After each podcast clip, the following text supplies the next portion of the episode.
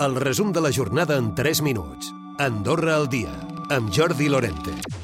Uns 94 milions d'euros, aquesta és la xifra que té pressupostat el govern pel SAS durant el 2024. De fet, aquesta xifra s'assembla, segueix la línia del 2023.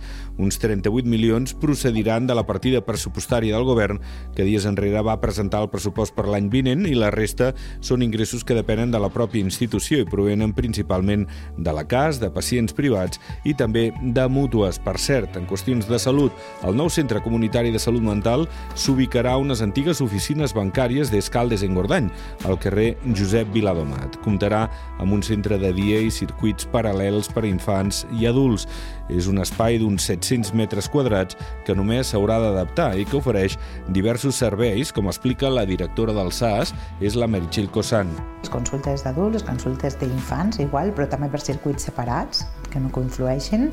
Uh, de la mateixa manera haurà un centre, un centre de dia, com per fer activitats i tot el tema aquest. El tema d'externalitzar-ho és treure una miqueta la connotació hospitalària a, a tot el que és el tema de salut mental, no? que s'entengui com una patologia més no? I, i, i, i poder-ho normalitzar més.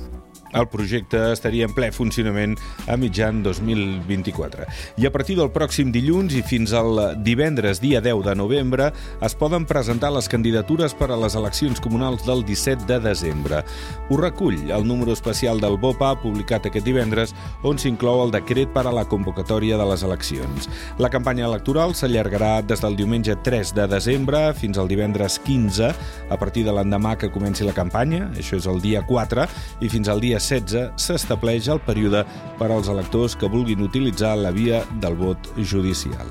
I després de la manifestació de dimarts per reclamar un habitatge digne, l'organització ciutadana continua per tirar endavant més protestes. Aquesta vegada casolades arreu del país cada dia a dos quarts de nou del vespre contra les mesures en matèria d'habitatge del govern.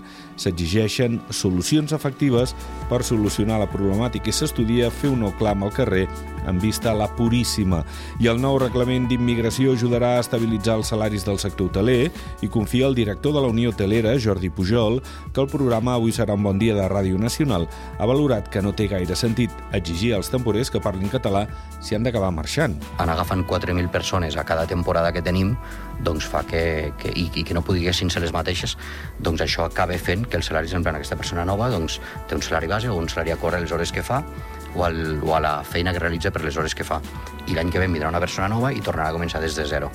D'altra banda, dos ciutadans nord-americans han estat detinguts a la duana de la Farga de Moles per tràfic de drogues. Sortien d'Andorra amb un carregament ocult al vehicle que incluïa un autèntic arsenal d'estupefents. Els dos ocupants, dos homes de 33 i 36 anys, van ser detinguts per tràfic de drogues. Recupera el resum de la jornada cada dia a AndorraDifusió.d i a les plataformes de podcast.